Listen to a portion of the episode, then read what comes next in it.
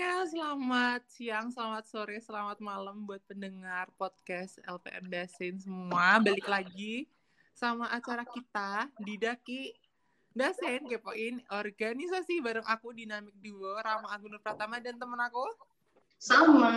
Kita bakalan kali ini kumpas tuntas tentang organisasi yang ada di UAJ gitu. Khususnya untuk para mahasiswa baru ya yang baru gabung sama kita di 2021 ini di podcast edisi minggu lalu di Daki hashtag satu kemarin kita uh, sempat uh, interview bareng-bareng kakak-kakak dari organisasi Marching Band Atma Jaya Yogyakarta. Seru ya, Sal?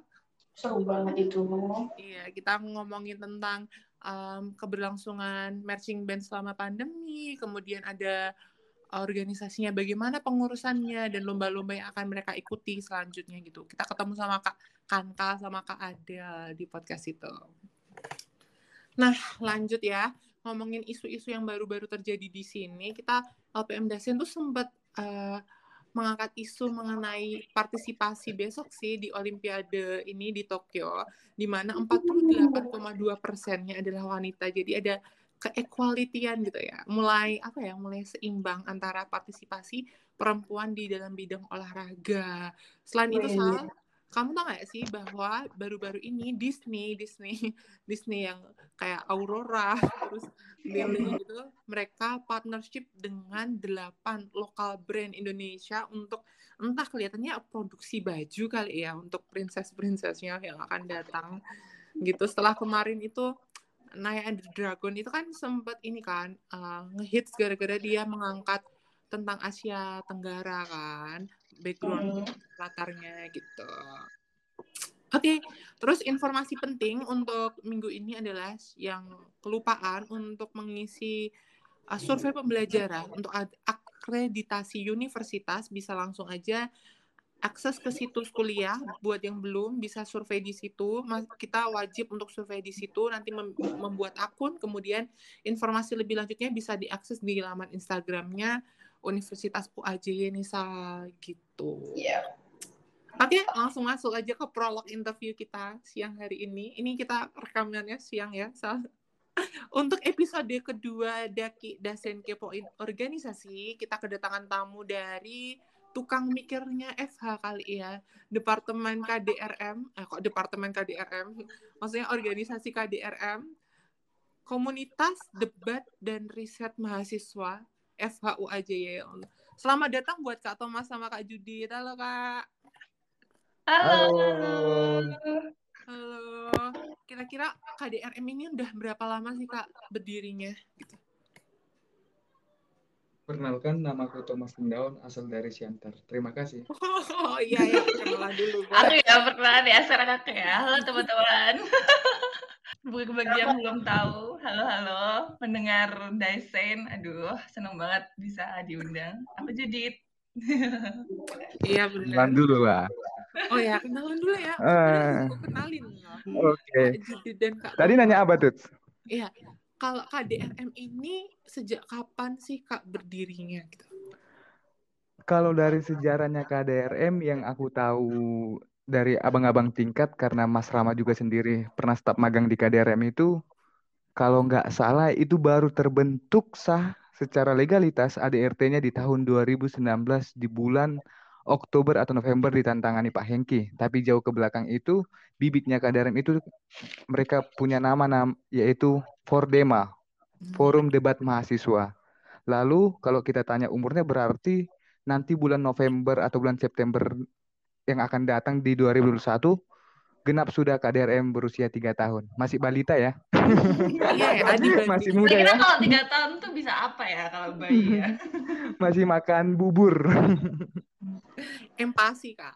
Jadi oh berarti masih ini ya tergolong lumayan muda ya kalau kita bandingin sama MBA kemarin kan marching band itu udah berdiri hampir 35 tahun gitu Berarti komunitas ini tergolong komunitas yang muda gitu ya. Gitu ya kakak-kakak semua. Oke Sal, ada pertanyaan nggak buat mereka nih? Aduh, aku kalau udah ketemu sama komunitas debat Eva apa aja ya, udah insecure sebenarnya. Kenapa ya. insecure? Iya, soalnya udah dipimpin sama ketuanya yang udah kreatif, inovatif, berani lagi gitu udah kayak ngeper duluan kita. Aduh, aduh, aduh, aduh, aduh. Aduh, aduh, aduh, aduh. Wah, gila sih emang. Terus eh, gini sih, ini kan komunitas debat ini kan. Itu sering gak sih kayak setiap anggota atau divisinya itu tuh debat-debatan sampai benar-benar ya gitulah. Ada nggak sih momen-momen yang seru gitu?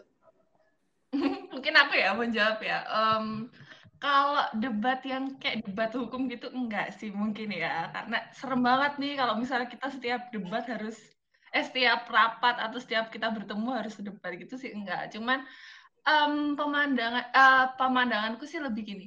Eh, kita kalau rapat lebih rasional gitu. Jadi ah, siapa yang mau berbicara duluan silahkan. Jadi lebih teratur aja gitu supaya kita nggak nggak tegang-tegang banget tapi aslinya tetap santai kok di dalam gitu.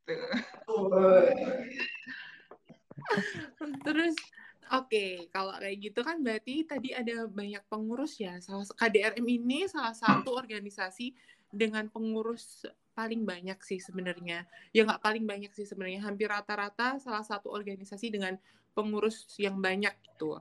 Kalau nggak salah ada 42 pengurus di tahun kepengurusan Kak Thomas ya? 41 kita tahun ini. 41, oke. Uh, berarti Kak Thomas ini membawahi 40 orang gitu kan di bersama BPH gitu kan membawahi 41 orang berarti kan dan ini termasuk organisasi yang paling besar teman-teman di FHWJY dengan kon, apa ya dengan jumlah anggota juga yang banyak selain Arfi juga ya Arfi juga banyak komutasi juga banyak salah satu bahkan Dasen pun cuma 13 orang nggak sih Sak?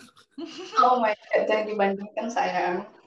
iya benar banget jadi kalau dibandingin dengan organisasi yang ada di bawah naungan fakultas KDRM ini lumayan besar dan pertumbuhannya lumayan pesat ya kak ya berarti Judit. Um, pertumbuhan dasin gitu eh kok Ah, pertumbuhan dasin pertumbuhan KDRM Ah, Oke, mungkin aku dari ngomongin dari magang dulu ya. Em, sejujurnya kalau dari kepengurusan sebelumnya, terus pindah ke pengurusan ke yang sekarang, sebenarnya naiknya tuh nggak sangat-sangat yang naik drastis gitu. Tapi aku melihat karena sekarang online gitu, em, orang-orang tentunya kayak anak-anak yang belum pernah ke kampus gitu loh, kayak aku kan angkatan 2020 gitu. Rasanya kalau belum punya organisasi, terus belum punya temen untuk ikut juga selain di organisasi jadi temen buat di kelas gitu kayaknya kurang gitu.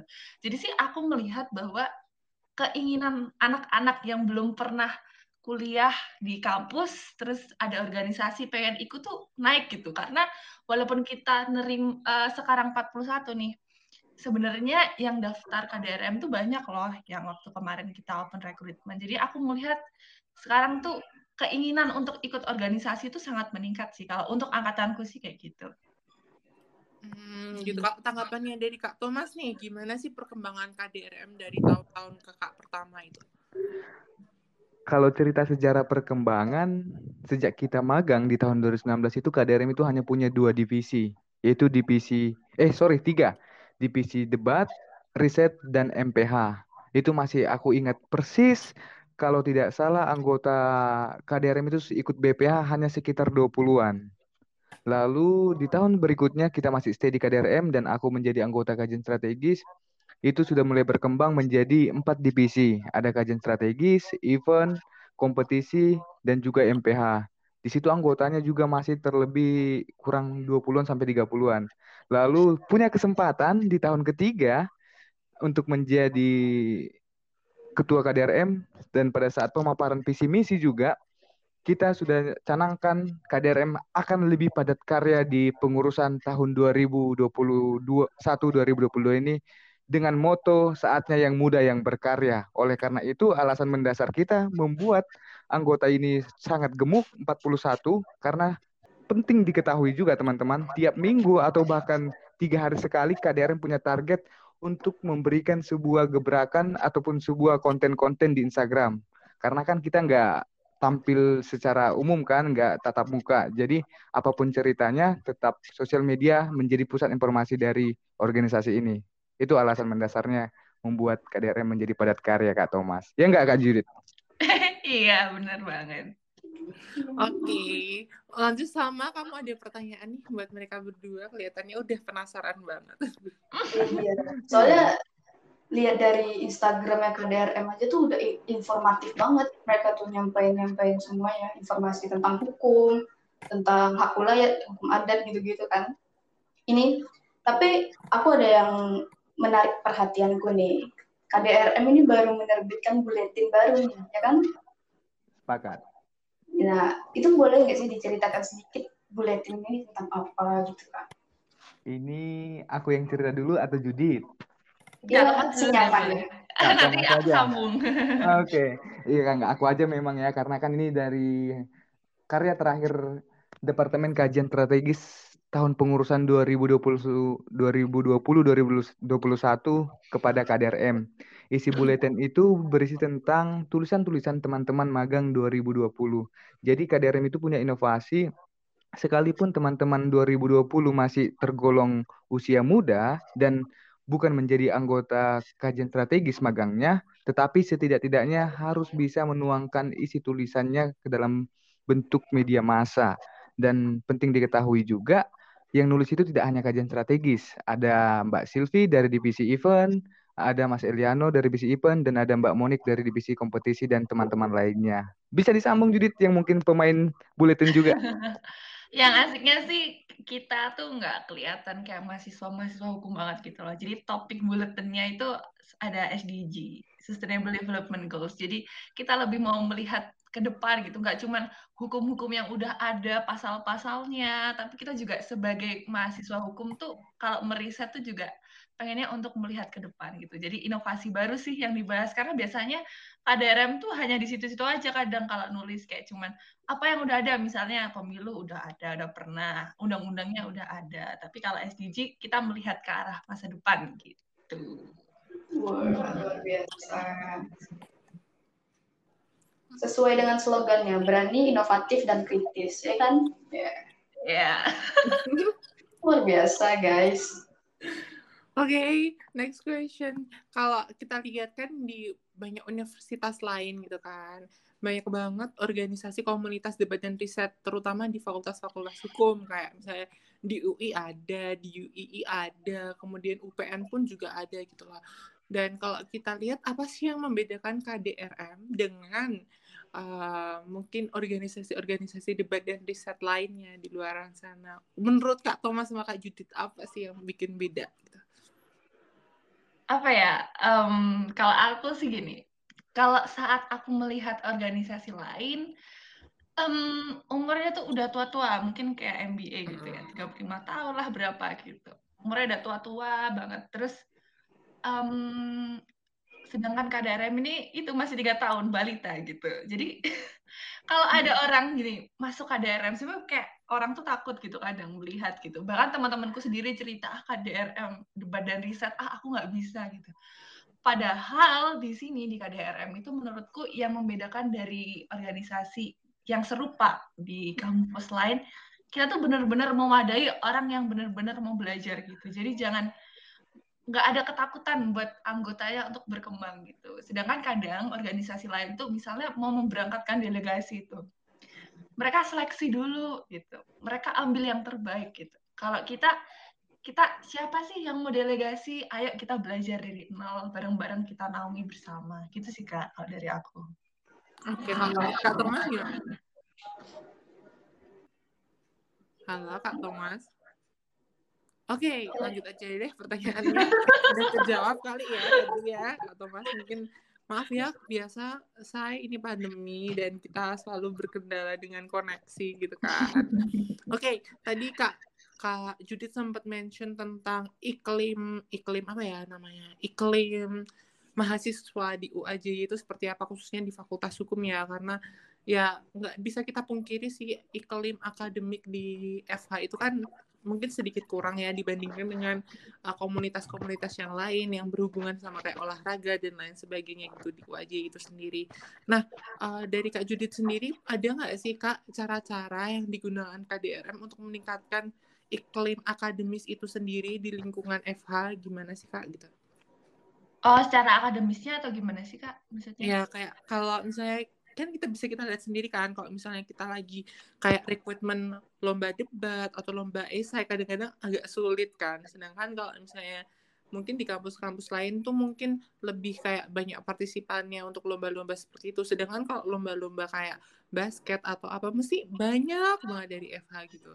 Jadi mungkin apa sih yang dilakukan KDRM untuk meningkatkan iklim akademis dan mau berlomba itu sendiri gitu? Apa sih kayak bantuan yang di-provide KDRM kepada teman-teman semua yang bisa oh ini loh meningkatkan meningkatkan kepekaan kita sama kemauan mahasiswa lainnya untuk berlomba gitu.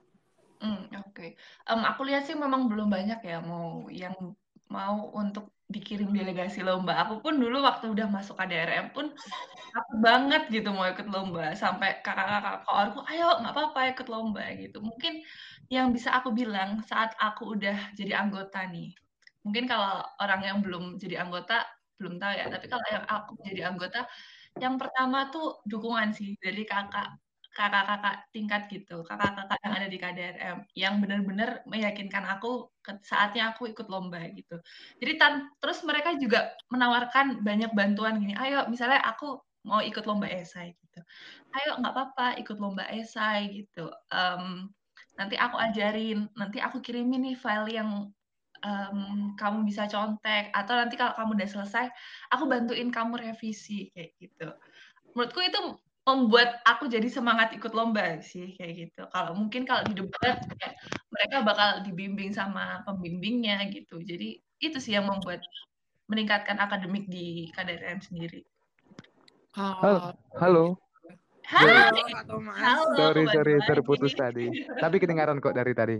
Uh, Oke, okay, nggak masalah. Next ya, ini ada questions lagi. Uh, kalau misalnya kita nih, mau kita bukan anggota KDRM, kemudian kita ingin lomba minta bantuan dari KDRM tuh gimana sih caranya? Tentunya bisa. Karena kan di dalam ADRT KDRM, aku jawab secara administrasi aja ya.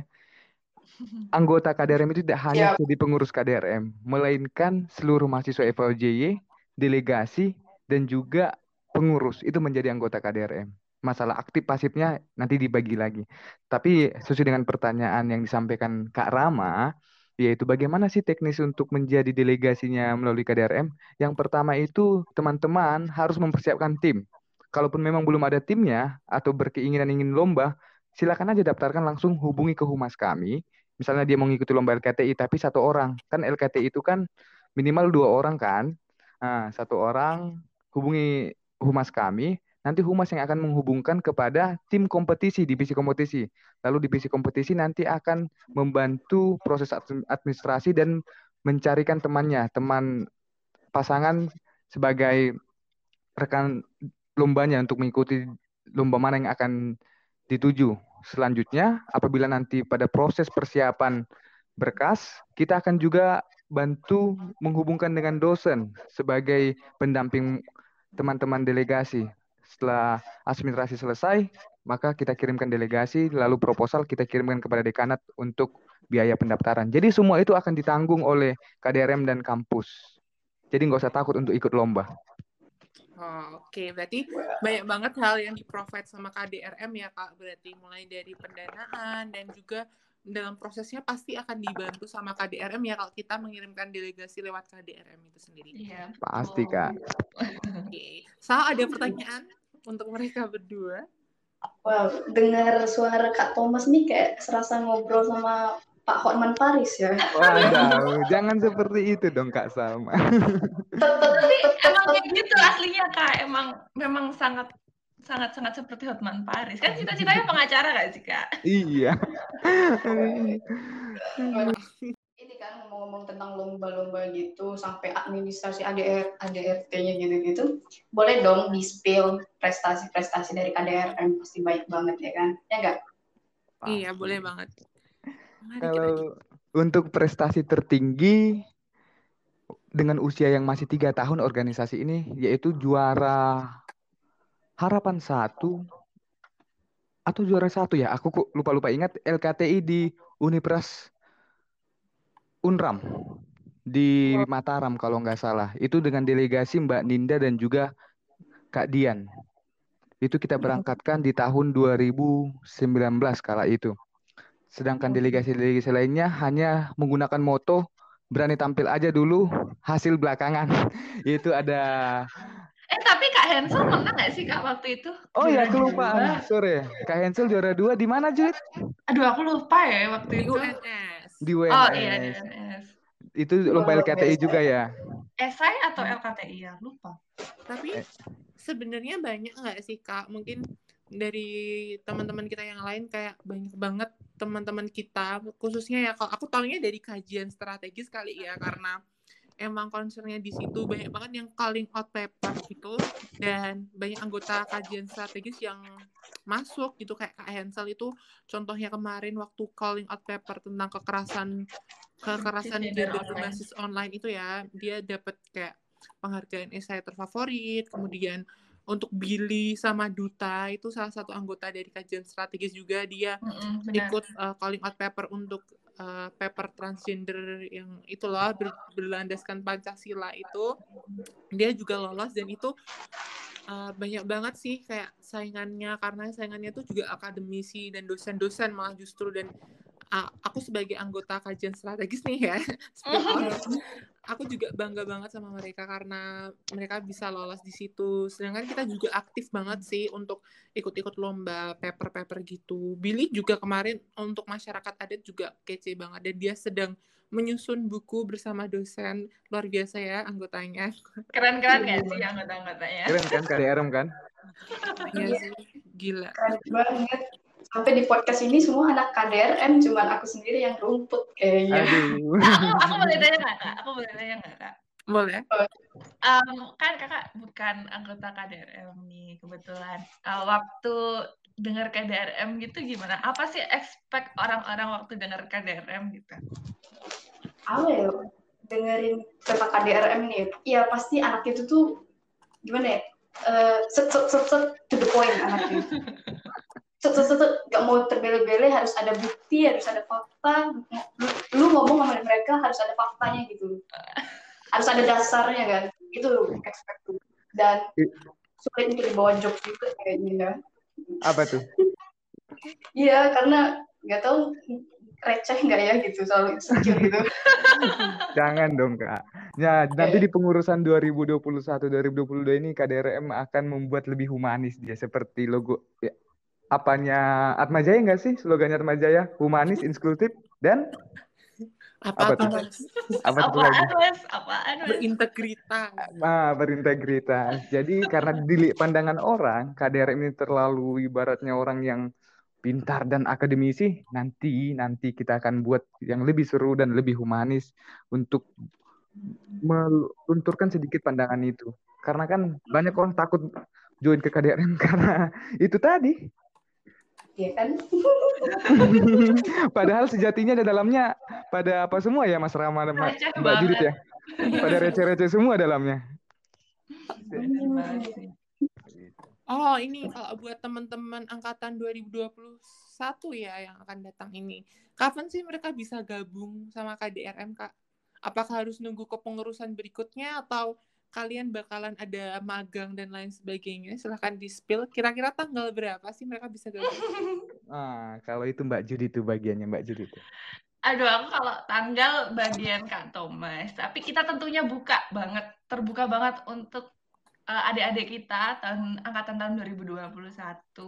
Kan kita pengennya nih eh, KDRM ini terus berlanjut ya, masih balita, semoga bisa berlanjut sampai nanti di anak-anak. Em, tentunya kita buka, nanti kita ada staff magang namanya, dan itu bisa banget nanti kalau misalnya ada anak angkatan 2021 mau icip-icip sedikit, mau tahu-tahu sedikit KDRM gitu bisa. Tapi kalau tanggal saya serahkan kepada Bapak Ketua. Kalau tanggal belum bisa kita bicarakan di sini karena apa? Karena yang terdekat welcome party dulu. Datang dulu dong adik-adik 2021 di welcome party-nya KDRM. Masa mau magang aja? Kenalan dulu sama KDRM, baru mengabdikan diri. Bukan begitu, Mbak Judit, Mas Rama? Datang juga ke Mbak Mbak Salma kalau boleh welcome party kan nggak hanya untuk 2021 kan? Aduh tes ombak dulu kayaknya. Nah, welcome party-nya penting diingat juga ini aku kasih clue-nya di minggu kedua setelah masuk. Masuk kan nanti kan tanggal 30 Agustus toh. Nanti Iya. rencananya tanggal-tanggal 6, tanggal 7 Agustus kita sudah welcome party. Udah kenalan sama kampus satu minggu, kenalan sama KDRM se- selanjutnya. Nah, terus Gitu nih, dia. kan besok ini inisiasi, kita kan ada ini kan kayak fakultas tour, fakulti tour, dan juga ada organisasi tur-tur organisasi. Nah, apa sih yang mau dibawain KDRM di uni, inisiasi fakultas nanti? Apakah kalian mau bawain simulasi debat atau ada apa gitu? Silahkan, bisa di-spill.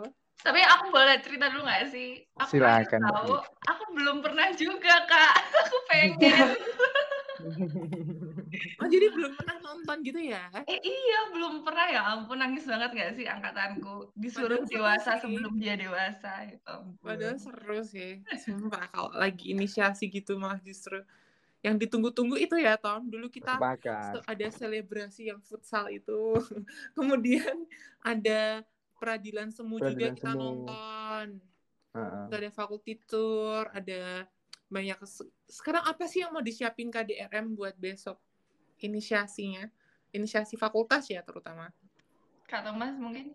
Mungkin KDRM akan menampilkan simulasi menyampaikan suatu pendapat dengan baik. Tidak kan kan KDRM tidak iden- identik dengan debat saja, tetapi ada riset. Nah, di sana nanti kita akan simulasikan mungkin ya public speakingnya KDRM dan juga kajian-kajian KDRM terkait isu-isu terbaru. Wah, keren Bagaimana nih. bentuknya Ditunggu masih ya. rahasia. Kita konsepkan dengan baik nanti. Baik, soalnya kan bocoran inisiasi bentar lagi dan panitia juga udah mulai kepengurusan inisiasi ini kan. Jadi mungkin ditunggu ya Kak, besok aku juga mau nonton. Aduh, pastilah. Dan Dasin juga meliput inisiasi sih. Jadi nanti pastinya kita bakalan informasiin secara aktual inisiasinya bagaimana. Ada teman-teman kita kayak Amir, Yoji, dan Kak Gabriel yang bakalan jadi pers inisiasi besok. Eh Gitu, ada Dan- persnya dari Dasen. ada dong. Ada dong. Berarti inisiasinya besok tuh di kampus atau online lagi? Ya online Kak, tapi ya mungkin lebih dikemas lebih baik ya dibandingkan inisiasi tahun lalu ya. Aduh nangis nih, iri, iri, iri. Karena kesiapannya pun juga beda karena tahun lalu pun uh, karena serba mendadak kan kita serba baru sama hal-hal yang baru. Mungkin sekarang kita lebih terbiasa lagi kali ya menggunakan berbagai platform gitu. Iya juga bener kan ya. Sal, kamu mau tanya apa lagi gitu Sal? Lebih tanya ke Rama sih sekarang. Kenapa tanya ke aku? Silahkan coba tanya apa. Kamu jahat tau gak sih? Jahat Kenapa? Kamu ikut KDRM tapi juga ikut LPM, kamu menyelingkuhi aku, Rama. Kenapa Bo- kamu? Boleh disambung nggak? Boleh disambung nggak? Boleh Oh, disambung nggak? boleh, boleh, boleh, Kak, boleh. Kalau masalah selingkuh KDRM juaranya. Karena hampir Iya, benar ham- banget. Ya hampir kebanyakan anak KDRM itu uni- eh, organisasinya tidak hanya satu. Seperti yang lagi ngomong ini aja, lagi join di salah satu organisasi dan ikut di BEM juga. Dan Mbak Judit demikian juga. Iya juga, aku juga di organisasi lain juga kebetulan. Double job gitu ya anak-anaknya ya. Jago banget, jago Iya. banget. Jadi jangan salahkan aku, bibit selingkuh itu memang sudah mengakar. K- KDRM KDRM nggak mau nyaman di satu organisasi ya nggak Ram ya? Iya. Pengen di Iya, semua sebenarnya. organisasi. Tapi tapi buat aku sendiri di kajian strategis ya karena di, kajian strategis itu udah penuh sih sebenarnya. Kalau ditambahin sama organisasi lain mungkin jadi agak lebih sibuk gitu kan. Jadi ke- tapi kalau kita lihat gitu kan sekarang aku bagiannya koar kan. Maksudnya uh, ketua divisi kajian strategis bersama Billy gitu. Jadi tanggung jawabnya lebih besar. Jadi mungkin ini dan ini kelihatannya tahun terakhir aku kan di jadi pemimpin redaksinya Dasen dan tahun depan kira-kira mungkin Salma mau ngelanjutin Sal. Harus. redaksinya Dasen. Cek ombak dulu. Cek iya, ombak lagi ya. cek ombak dulu ya Sal. Mungkin apa kamu mau gabung tahun depan jadi anggota magang nanti kita rasakan bersama-sama bagaimana penuhnya. Kita aja seminggu ini udah rapat berapa kali sih Kak? Banyak ya. Dan Di hampir kayak gitu sih, iya. Kayak ya ampun, ya penuh sih, tapi itulah yang serunya jadi mahasiswa nggak sih? Kan setuju kan teman-teman semua? Iya. Kalau kalau nganggur tuh malah bingung nggak sih mau ngapain? Apalagi online kan, temennya Iya, dapet dari mana banget. gitu. Oke, oke, oke. Lanjut ke. Oke, kalau udah Kak sama udah nggak ada pertanyaan, kita udah 40 menit ternyata. Seperti Udah? durasi podcast kita yang cuma 45 menit, soalnya kalau kelamaan dengerin aku ngomong juga males ya teman-teman semua. Enggak dong, suara Karamat itu enak dengar gitu kan. satisfying gitu. Oh, tidak, ya tentu saja tidak ya Kak Salma ya. Ya terasa ya sudah setengah jam kita cerita-cerita. Memang Iya, waktu makanya cepat berlalu kalau iya, nyaman. Memang. Iya, Tapi tapi yang didengerin sama pendengar Dyson ini cuman seuplik, cuman sejumput aja loh. Jadi kalau mau tahu tentang KDRM ya join. bener banget. Yoi. Oke, sepatah dua patah kata untuk para eh, nanti mahasiswa baru 2021 yang mau join ke KDM. Kak Thomas dulu, silakan. Aku sambut dengan yang manis-manis ya, supaya seperti aku. Halo adik-adik 2020, selamat datang dan selamat bergabung di FAWJY. Tidak lengkap rasanya kalau adik-adik tidak merasakan dinamika organisasi di FAWJY. Ka- Apa itu? Komunitas debat dan riset mahasiswa atau yang kenal dengan KDRM. Sebelum kenal dengan KDRM, sambil mendengarkan podcast ini, se- searching-searching juga at KDRM FAWJY, IG-nya KDRM. Karena apa? Karena FAWJY nggak lengkap kalau nggak ada KDRM. Terima kasih. Uh, banget. Kak Judit nih, Aduh, apa ya? Aku berarti buat teman-temanku sendiri ya. ya. Halo teman-temanku semunya, angkatan 2020. Em, terima kasih udah mau gabung di KDRM. Tentunya banyak banget yang kita nantikan dari kinerja-kinerja kalian. Tentunya di kepengurusan ini banyak banget eh, anak mudanya. Aku berharap sama kalian bisa membangun KDRM ke depan lebih baik. Gitu aja sih dari aku. Perasaan tadi pertanyaanku untuk anak-anak baru 2021 deh, Jud. Nggak fokus Kak Juditnya. ya. Ah, sekarang aku ganti dulu. Aku mikir, hmm, ya? Oke, anggap aja itu nih buat teman-teman aku ya. Em, Oke. Sekarang yang 2021. em, halo teman-teman online. Aku tahu perasaan kamu yang nggak tahu kampusnya di mana. Terus toiletnya di mana. Tempat fotokopi di mana. Tapi kamu bisa selalu cari KDRM di FHWJ.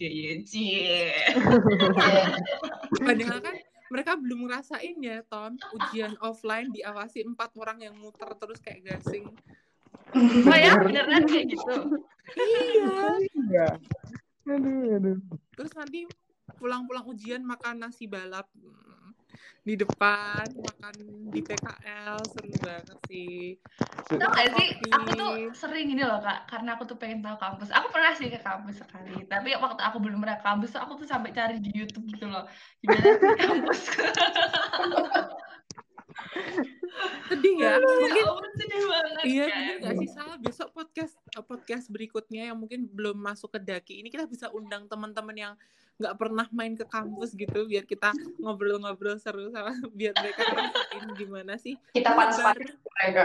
Hmm, menebar bibit-bibit keirian aja ya kan. Iya bener, nanti kalau ditanya sama adik tingkatnya, kak di mana kamar mandinya? Ayo deh kita cari bareng-bareng. Anak 21, anak na- nanya anak 20 ya. Iya bener. iya, soalnya ini loh apa namanya kelihatannya kampus sudah jadi tempat party hantu. Waduh, Oh, iya? menyeramkan. Kan kampus lama ya, jadi kayak eh, wah mistis. Nanti cek aja di YouTube apa tuh Sal? Yang itu penelusuran apa Sal? Penelusuran apa? Paranormal activity. Iya, hantu-hantu itu sempet gempar kan dulu kita seru banget tuh ditonton aja. Mm-mm. Oke, nggak kerasa ya, udah mau 45 menit kita ngobrol bareng teman-teman dari komunitas debat dan riset mahasiswa. Thank you banget Kak untuk 45 menitnya. Thank you Kak Judit, thank you Kak Thomas. Thank you. Terima kasih kembali juga Kak Karama, Kak Salma. Salam sehat ya. Salam sehat Thank you. untuk uh, pertemuan Daki minggu depan. Kita kira-kira kita ada organisasi juga yang bakalan kita interview untuk Daki hashtag, hashtag 3 dan kita akan hmm, kira-kira siapa sih Sal? Kemungkinan besar masih rahasia ya. Jadi Hmm. ditunggu aja next ex- episode kita mau sama siapa dan thank you semuanya untuk mendengarkan podcast Dasen hari ini. Selalu sehat dan Terima kasih. Sampai jumpa di next episode. Thank you. Thank you, Salma. Thank you, Dadah. Dadah.